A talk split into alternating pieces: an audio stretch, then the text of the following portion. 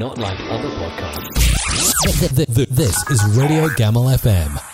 Halo, assalamualaikum warahmatullahi wabarakatuh. Kembali lagi di podcast Radio Gamal FM. Kembali lagi bersama host kalian semua, Al Gamal alias Gamblis. Gimana kabar teman-teman semuanya? Sudah memasuki new normal ya. Sudah ada yang mulai bekerja. Sudah tidak ada lagi WFH-WFH teman-teman semua. Tetap semangat bagi yang di perjalanan, bagi yang di rumah, jangan mager-mager terus. Ngomong-ngomong tentang new normal, banyak cabang olahraga yang sudah memulai lagi, sudah restart lah bahasa kerennya. Dari bola, dari basket, dan beberapa cabang lainnya itu udah mulai lagi restart.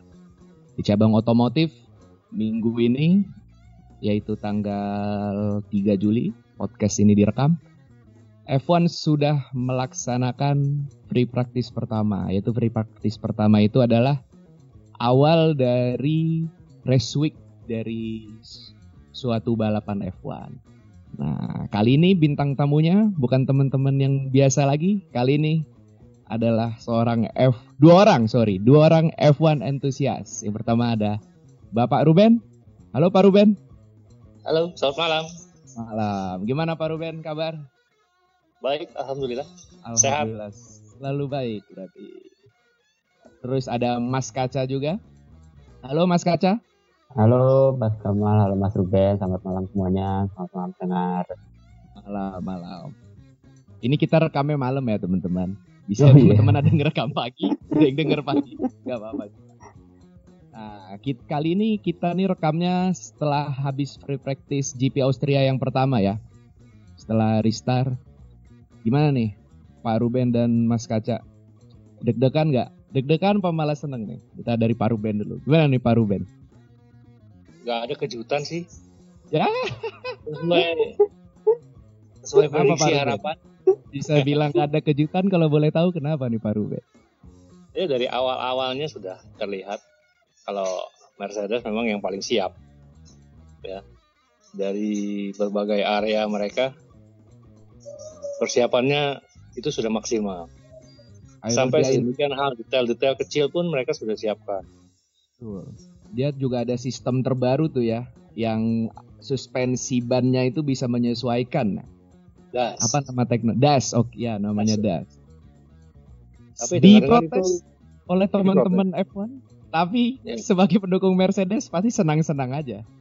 Ruben. tapi dilarang katanya itu Ah, nggak jadi nanti dipakai. juga lolos juga Pak, kayaknya mah. Kalau Mas Kaca sendiri gimana tadi setelah FP1 ngelihat hasil praktis GP Austria? FP1, FP1 kalau kalau lihat secara umum ini sih emang emang emang tidak ada kejutan ya. Justru saya eh, kaget lihat performa Ferrari gitu. Tapi kan baru FP1 balik lagi baru FP1 belum bisa jadi kesimpulan.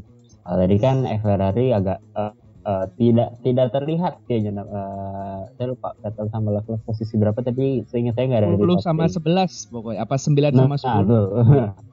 Heeh. Polsa kan ada nama ada nama Magnussen tapi dua merah itu tidak kelihatan. Ya kecewa kecewa. Sebenarnya bukan kecewa sih tapi memang si Leclerc pun bilang mereka kemungkinan di dua GP pertama itu akan akan ketinggalan. Nah, yang mereka bawa itu baru di baru dimulai di Hungari. Jadi tapi balik lagi selama ada F1 uh, uh, I'm very happy Oh, ada jadi ada tontonan jadinya kan selama F1 ada ya gak cari seneng aja lah. Kemarin udah enam bulan tidak ada balap. Enam bulan puasa loh Jadi FP1 ini lo posisinya pertama itu seperti biasa pertama dan kedua duo Mercedes, Lewis dan Bottas, tiga Red Bull, nah empat ini yang mencolok perhatian sekali yaitu McLaren, Carlos Sainz Jr ada di posisi 4 lima Mercedes Pink alias Racing Point, Sergio Perez. Mercedes Pink. Makanya waduh, saya tadi ngelihat sekilas ya, Pak Ruben nih yang nonton FP1. Yang keluar pertama tadi siapa Pak FP1? Yang keluar pertama, Iya. yang keluar pertama sepertinya McLaren. Oh, McLaren. Tapi yang mencetak kayaknya mencetak pertama eh, fastest itu memang Racing Point. atau Oh, pas pertama kali keluar Racing Point langsung nyikat fastest lap ya? lab. beberapa lab sudah install install lab nanti eh, mereka cetak mulai cetak poin mulai mulai cetak eh, waktu fastest lap Ya. Ya, sepertinya bagi bagi teman-teman yang penggemar F1, bagi pendukung Mercedes, brace yourself. Hamilton akan menyamai rekor Schumi alias Michael Schumacher. Bagi kalian yang penggemar old school seperti saya, Ferrari siap-siap heartbreak karena di posisi 10 dan 12. Nah, Tapi balik Tapi lagi FP1 FP1 itu kan baru baru inilah baru duplikat bisa jadi belum keluar semua bisa jadi sekarang. Ferrari yang sandbagging Mas Kaca dukungnya apa kalau boleh tahu nih? Personal. Ferrari Si merah personal juga ya? Ferrari. Eh, iya tim merah mau itu Pak Vettel mau itu yang orang lama malah Ferrari. dukung tim baru nih Pak Ruben. Gimana nih? Mas Nah, Gamal ngomongin tentang ya si merah juga dong. Merah. Rosso. Apa prancing horse kalau saya. Nah, ngomongin tentang old school nih ya. Kita mau sharing-sharing dikit. Nah, Formula One itu bagi yang teman-teman nggak tahu adalah lomba balap yang prestisnya tertinggi ya di FIA ya untuk eh, single seat racing, bener? Formula One kan? Betul. Betul. Nah, teman-teman yang tahu mungkin Formula One kalau yang angkatan 2000-an mungkin terkenal adalah Michael Schumacher, Alonso, Raikkonen. Nah, itu adalah nama big big names-nya. Hamilton. Bagi yang baru nonton 2010-an mungkin teman-teman tahu Vettel. Hamilton lagi meledak dan juga Rosberg. Nah, Pak Ruben sendiri kenal F1 awal pertama kali bagaimana, Pak? Pertama kali justru William McLaren Eh, pertama kali. Ya, itu memang berapa itu? William waktu itu tahun 94 ya. Oh, zamannya almarhum meninggal berarti itu ya? Iya. Ah, Ayrton Senna ya.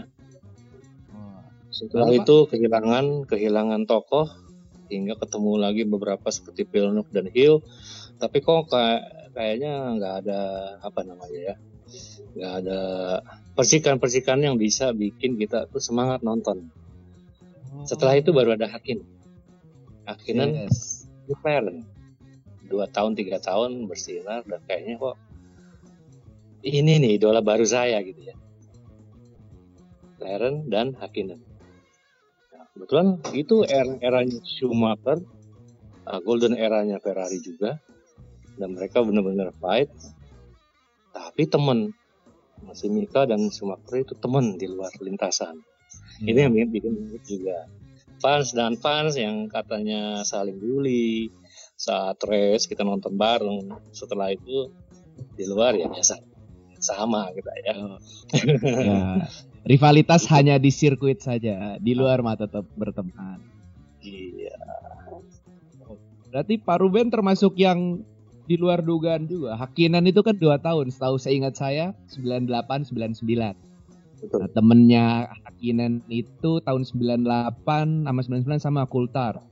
98 saingannya sama si Schumacher. Cuman 99 setahu saya saingannya sama Irvine karena Schumacher cedera diganti sama Cedera. Mika Salo. Mhm. Ya. Cuman ya pada zaman itu ya percampur percampuran apa? Kerjasama antara si siapa bos McLaren dulu Ron Dennis dengan Adrian Newey lagi topnya itu ya. Ya. Itu duo yang paling disegani. Cuman kalah juga akhirnya dengan trio Ferrari yaitu Ross Brown, Ada ada empat. Quartet. Satu Oh. lagi saya lupa dia kayak Rory Byrne kalau nggak salah. Rory Byrne Ross Bryant. itu Ron Todd, chief mekanik iya. kalau nggak salah Ya, empat itu. sama satu lagi ya Schumacher. Lupa itu. Parah. Merah Dan soalnya. dan sekarang orangnya udah nggak pada megang tim ya. soalnya John Todd ketua FIA si itu megang development F1 ya secara keseluruhan ya si Ross eh, Ross Brown. Sporting Director ah, sporting director ya. Kalau Ross Brown saya nggak tahu tuh ke mana itu. Kalau Shumi ya. kalau nggak salah masih jadi apa jadi chief jadi chief mekanik juga tapi dia udah punya tim balap sendiri. Kalau nggak salah kalau nggak salah terakhir Oh. baca sih seperti itu Kalau Shumi lagi ada itu ya, lagi sakit ya dari tahun 2013 ya. Kasihan Hmm. itu. Ya, itu aduh. masih bertarung. Nah, kalau Mas Ya. Kaca sendiri gimana nih? Perkenalan dengan F1 nya nih Mas Kaca nih. Kenal F1 2000. Wah, kalau exact exact tahunnya sih saya lupa ya. Be- dulu kan memang saya basicnya suka mau suka apa namanya suka mobil. Lalu kalau nggak salah tuh saya sempat dibeliin majalah F1 Junior. Dulu tuh anaknya F1 Racing tuh sempat nerbitin apa namanya nerbitin majalah F1 Junior dikasih sama eh, temannya orang tua. Terus tiba-tiba suka-suka suka.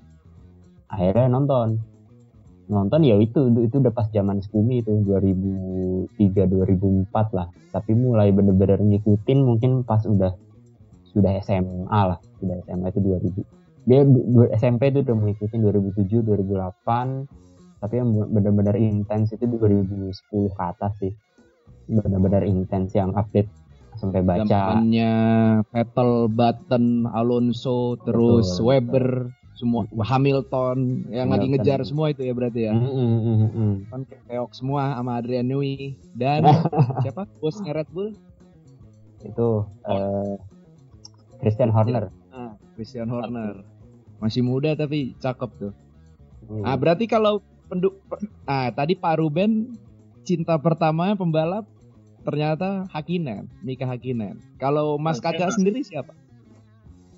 Wah, saya mah jawabannya itu eh, pasti sangat umum ya, Mas Schumacher. Siapa yang nggak kenal dulu kan ibaratnya. Namanya belum ngulik kan. Ah Ya, udah itu yang taunya merah menang terus. Heeh. Nomornya satu mulu masih nggak pernah satu. goyang-goyang. Heeh. Biasanya gitu Lalu orang pertama kali pas suka dia ya. kalah tuh sama Alonso sedih tuh. Iya itu emang saya benci itu sebenarnya kalau ngomongin personal ya. Ada yang dia pakai damper emas itu kan kata Renault tuh. Kalau lagi lurus tuh stabil banget dia ininya suspensinya. Pensi aktif. Ya, saya lupa namanya apa gitu. Pokoknya jadi stabil. Makanya Alonso ngebut banget. Schumachernya juga mobilnya lagi karena peraturan ban baru setahu, setahu saya itu ya. Gak boleh ganti ban sebanyak mungkin pada saat 2005 tuh. Jadi tahun 2005 tuh setahu udah ada setnya kayak hampir sama kayak sekarang. Satu set, satu race, Berapa? satu race week Jatah. cuman terbatas kayak gitu, dijatah lah. Nah, Pak Ruben berarti pertama kali nonton F1 itu benar-benar tahun 90-an, Pak. Ya, zamannya Ayrton Senna. Oh, Ayrton Dan di McLaren ya. apa pas sudah di William? Em, masih di McLaren ya? Oh, Masih di berarti McLaren. zamannya lawannya itu si aduh siapa? ya? Red Alan. Prost. Mansell sendiri ada Prost ya. Alan Prost, Mansell. Nigel Mansell. Prost sudah di McLaren. Iya. Eh, Selek kan di- katanya. Hmm, pernah di William juga. Pensiun Mansell naik masuk si siapa tadi? Prost, Prost? Prost Prost. juara pensiun. Pensiun masuk Ayrton, Ayrton almarhum. Yang menang Damon Hill tapi Damon Hill. Musim depannya Empat udah Schumacher ya? Oh enggak. Schumacher, Schumacher dua kali, baru Damon Hill, baru Damon Hill anak baru, baru si ganteng baru, Jack Villeneuve. Yang setelah itu tidak pernah kelihatan lagi. Setelah saya tonton. Setelah itu jadi DJ. aja B. Ya, BAR. Nah. Itu punya punya idola hilang terus ya idolanya. Sampai ketemu sekarang ini. Ya apa Pak? Kalau nah, ngomongin sekarang banget. Pak Ruben sekarang mendukung apa? Luis. Dari McLaren atau pas udah di Mercy dukung? Dari dia debut 2007 McLaren. Udah terlihat. juga emang ajaib sih. Lawannya Alonso tapi tetap galak loh dia di apa? Free practice di qualification tetap galak. Ya.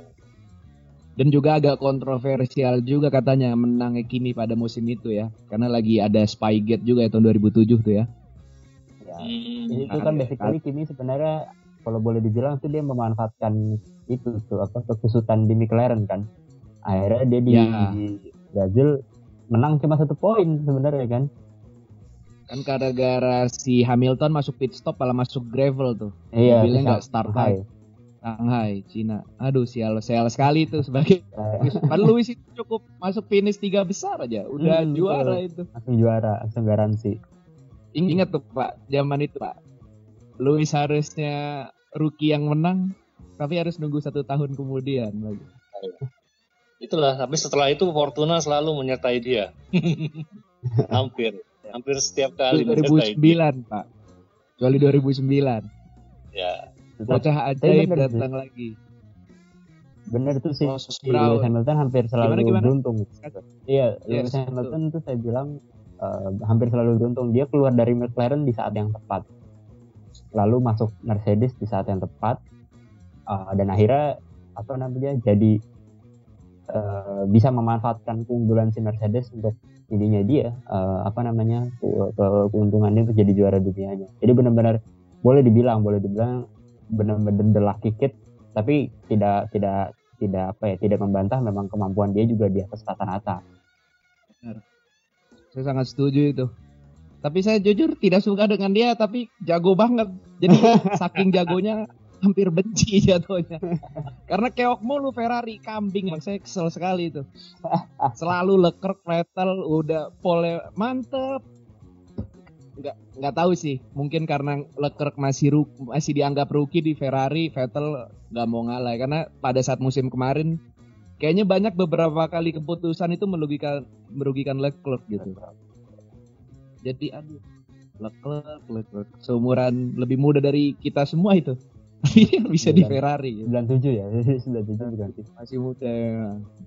Nah, ngomongin di 90-an tadi juaranya masih anak-anak 80-an ya. Di awal musim ada eh di awal tahun 90-an Mansell, Senna, Prost. 94 baru rookie-rookie yang tadinya anak muda ternyata bisa menembus juara. Schumacher, terus Damon Hill, Jack Villeneuve. Lalu diambil lagi oleh senior Mika Hakkinen.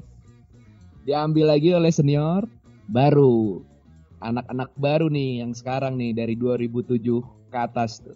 2008 sorry 2007 kan anak lama juga tuh Raikkonen 2005 2006 pada saat itu youngest ya Fernando Alonso Alonso.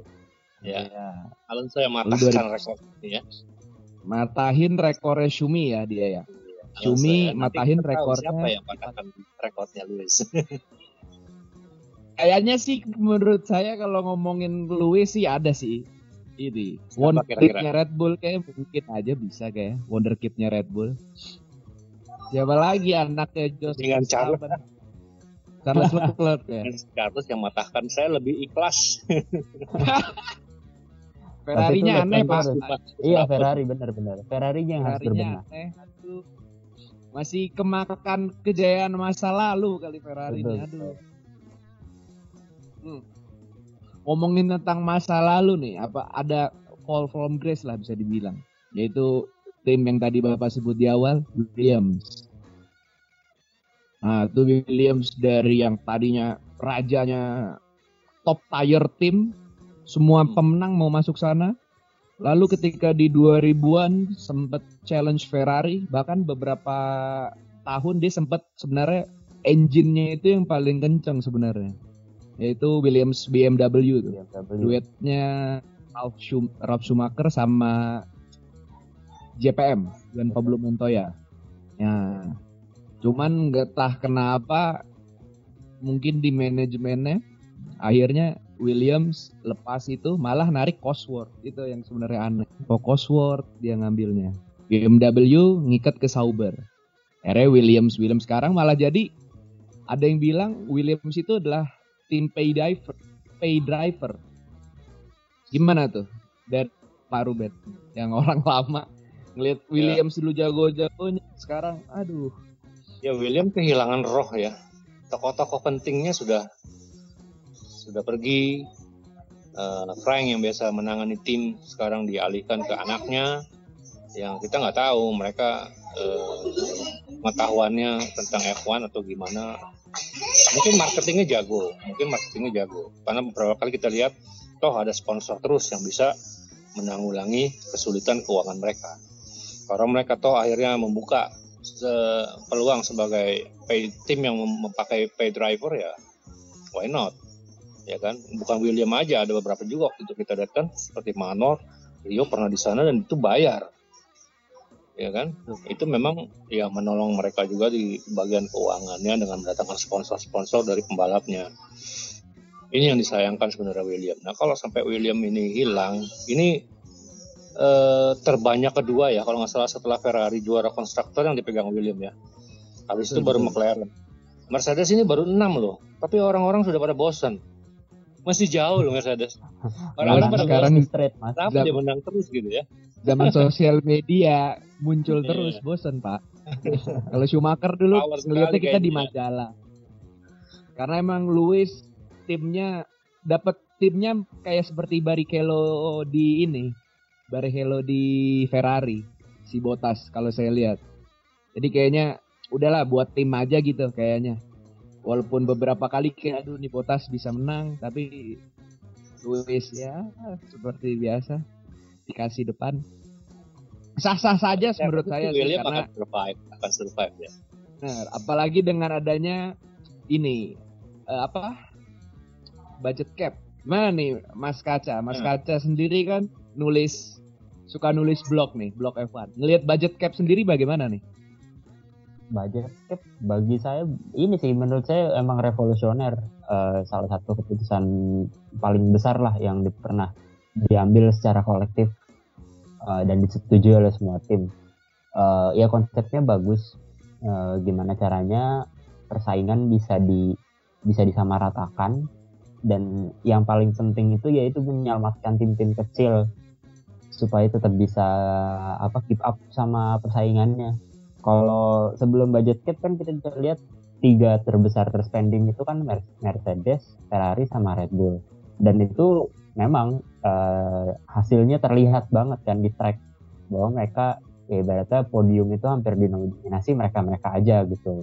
Bah- Bahkan eh, podiumnya McLaren di Brazil kemarin itu kalau nggak salah eh, berapa race sekian ratus race setelah isinya cuma Mercedes, Ferrari, Red Bull saya lupa saya lupa jumlah exactnya tapi ya itu kenyataannya kejadian seperti itu. Nah dengan ada budget cap ini kan berarti bisa diminimalisir tuh eh, gapnya antara yang eh, tim tim pabrikan terus tim yang eh, sedang yang tim sedang macam McLaren atau Haas dan tim kecil yang mungkin saat ini Williams yang salah satu yang paling kita boleh bilang paling kecil lah dari segi budget. Nah ya kan kan budget cap ini diharapkan dia bisa nutup menutup eh, selisih, menutup gap antara tim-tim tersebut. Jadi eh, persaingannya lebih apa ya, lebih lebih ya Terbuka. bisa dibilang lebih, lebih bagus lah di track, nggak pure antara tiga tiga tim teratas doang. Menurut Pak Ruben bagaimana nih Pak Ruben budget cap? Karena sebagai pendukung tim yang budget capnya termasuk paling banyak, mungkin bisa dibilang ini sesuatu yang tidak mendukung untuk stabil- stabilitas tim yang dijagokan. Bagaimana menurut. Ruben? Kalau sebenarnya untuk tim-tim yang udah punya budgetnya unlimit, sedang tiba-tiba dibatasin atau dikurangin itu nggak masalah sebetulnya, gitu. Nah sebenarnya intinya F1 ini sendiri kan pengembangan, riset di berbagai bidang, gitu. Betul. Memang kalau memang mereka punya budget yang begitu besar dengan melakukan penelitian-penelitian, ya mereka akan nanti terapkan ke eh, taruhlah mobil mobil apa? Mobil harian gitu. Mungkin berapa tahun setelah dipakai saat ini akan diterapkan di mobil sehari-hari. Ya, itu sebuah teknologi juga yang beberapa kali kita lihat dari Honda, pedal shift udah ada ya, macam-macam seperti itu ada. Ini kalau dibatasin gini sih sebenarnya nggak masalah, cuman memang jadi perkembangannya ya dibatasi jadi juga ikut-ikutan terbatas ya. Tim bawah biar bisa keep up biar bisa ngikutin. Ya oke aja.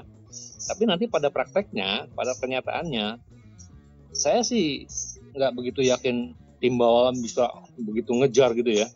Soalnya mereka masih punya power walaupun budget itu dilimitin tuh powernya masih Ya. ada. Itu aja. Menurut sa ada sandbagging. Sandbagging ya mas ya? Mas mas. Ya sekarang baru mulai nih. Sandbagging Hmm. terus. masa sandbagging sih semua tim sandbagging kecuali Mercy nih hari ini Ah enggak Mercy menurut saya enggak em itu Ferrari enggak ada sandbagging. Emang ah kenapa Emang bedanya gitu. satu? Apa Emang bedanya lemot satu? ya Sandbaggingnya 0,3 06 gitu. Ini satu Nah. gitu. Nah, tapi menurut saya nih pendapat saya pribadi, eh mungkin bisa ada mungkin satu satu tahun atau dua tahun kemudian pada saat penerapan budget cap mungkin ada brown GP brown GP lainnya gitu. Dan tiba-tiba langsung rise to the top. Apalagi brown pada saat itu mesinnya dikhususkan untuk Honda ya. Kalau yang teman-teman pendengar pada tahu brown GP itu adalah bekas tim Honda yang dia menarik mengundurkan diri dibeli oleh Ross Brown dengan memakai mesin Mercedes. Dan langsung juara. dan langsung nyetel dan walaupun dengan adanya itu ya double double decker diffuser ya cuman kita ambil sisi positifnya aja gitu. Ternyata bisa juga loh. Dengan ternyata budget yang udah segitu tapi teknologinya ternyata oke gitu. Dan dipegang oleh orang yang tepat dan pembalap yang tepat. Nah, nah menurut saya sih mungkin ya apa mungkin McLaren kembali lagi Williams taringnya lagi. Tapi menurut saya sih masih tim tradisional ya Mercedes, eh, Ferrari dan Red Bull ya. Karena resource-nya dia bisa dibilang mungkin nanti bisa diakalin mungkin menurut saya. Ada aja akal-akalannya mah. Atau duit dari mana, duit dari mana. Ya, welcome to real life aja lah. Gak naif-naif amat juga gitu. Nah, Iya. terakhir prediksi prediksi GP Austria deh. Kayaknya kita nanti bakal sering ngobrol-ngobrol lagi ya. Untuk ada segmen F1 nih di podcast Radio Gamal F1. GP Austria. Kualif eh itu jangan, langsung race saja. Dari Pak Ruben, podium siapa aja nih? podium. Ini kondisinya wet atau kering. Nah, itu kita mesti lihat juga keadaannya. Tapi sih bagi Luis itu wet atau kering tetap kenceng dia. Ya. Jadi memang Gak Mercedes masih, dukung Ferrari, Pak. Mercedes masih difavoritkan ya satu dua atau paling nggak podium ya. Mereka berdua tuh podium. Tinggal satunya ini antara dari Red Bull atau dari Ferrari. Itu sudah biasa seperti itu. Uh, Tampil-tampil yang mencolok kayak kayak tim-tim kuda hitam apa McLaren saat ini ya. McLaren bisa tampil baik apabila mereka pun mendapatkan pace yang nanti dilihat di kualifikasi juga. Di kualifikasi keadaan normal dan sama dengan race ya kurang lebih seperti itu. Nah, satu duanya bisa uh, atau di pembalap pembalap Mercedes dua di podium satunya antara Red Bull dan Ferrari dan selanjutnya di bawah McLaren. Ada apa lagi ya? Apa lagi cak?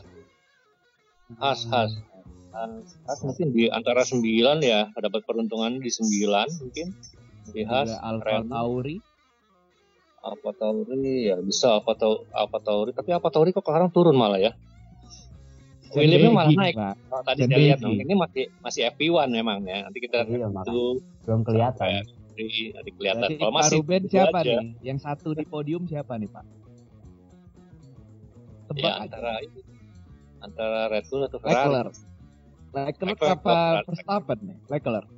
Berarti menurut Pak Ruben versinya yaitu ialah es eh, Lewis, Bottas, Leclerc. Ya.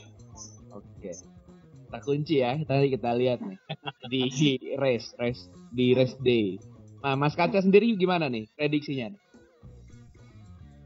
prediksi kalau jujur jujur sih Ferrari tetap pengennya sih ya satu lah ya tapi kalau misalnya mau realistis eh kalau podium itu mungkin Verstappen. Eh ya mungkin mungkin Hamilton atau Bottas di nomor dua. Tiganya mungkin Al, Al- Albon nggak juga sih. Tiga tuh mungkin bisa di eh antar antar dua sampai dua sama tiga itu bisa jadi Hamilton Bottas. Tapi kalau misalnya lihat beberapa tahun terakhir kan sebenarnya Mercedes nggak nggak terlalu bersahabat nih sama track eh, Austria ini sebenarnya. Austria ya. Ber- Musim lalu kan itu ada ya. ini kan ada ada ada ada ada kejadian lah yang enggak yang bikin mereka finishnya nggak di nggak di top 3 jadi bisa jadi bisa jadi nih McLaren bisa jadi kejutan sih stay tune aja untuk terutama Sainz Sainz itu selama dia konsisten sih itu dia bisa bisa tuh nyuri nyuri podium tiga kalau untuk the rest of the, the rest of the grid ya Williams Williams sama Haas mungkin akan bertarung di belakang mungkin kalau pertengahannya mungkin antara Racing Point sama Rumo. Nah, jadi sama seperti Pak Ruben untuk satu dua masih Mercedes peringkat tiga tadi itu Verstappen. Eh, saya lebih favor Verstappen nomor satu. Dua tiganya baru Mercedes. Oh, orangnya beda ditukar lagi. Eh, Kalau menurut beda. saya sih ya, Mm-mm. kalau menurut saya dari free practice pertama sepertinya tetap satu dua. Jadi saya punya dua prediksi. Selama Mercedes masih aman-aman aja ya seperti biasa lah. Lewis dan Bottas tetap peringkat tiga sih Verstappen karena markasnya kali ya.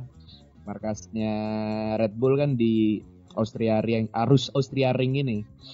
Ya mungkin juga seperti musim kemarin ya yang malah di depan itu yang gesek-gesekan Verstappen dan Leclerc gitu. Yang ketiga malah Bottas musim kemarin kan 2019. Kalau di 2018 itu kayaknya Ntar saya cek dulu 2018 Verstappen, Raikkonen sama Vettel malah Verstappen Nah mungkin gak nih tiga dari tiga nih 18, 19, 20 Verstappen kita lihat aja besok Atau malah Hamilton nih yang makin ngejar 92-nya Schumacher. Ya, ini musim 92 Schumacher sama 7, 7 gelar juara dunia. ya apa. Dan minggu depan masalah juga di Austria masalahnya. Iya, Ya kan? iya benar benar benar benar. Jadi nggak perlu banyak otak-atik aerodinamis lah, nggak perlu gitu-gitu. Tinggal kita lihat aja gimana nih. Ya semoga Ferrari kamu jangan ngecewakan saya ya. Racing Horse udah mau ditinggal Vettel, gantinya Sainz. Saya juga masih ragu sama Sainz sebenarnya. Cuman ya sudah lah. Nah. Oke, terima kasih Pak Ruben waktunya. Makasih juga Mas Kaca. Terima kasih. Sama-sama. Sama-sama. Terima Mohon kasih maaf sudah nih ada kekurangan apa saja. Jangan lupa teman-teman pendengar follow terus at podcast Radio Gamal FM. Mungkin ada mingguan eh, saya dan teman-teman dari F1 Enthusiast mungkin akan akan ya review-review tentang balap F1 ya.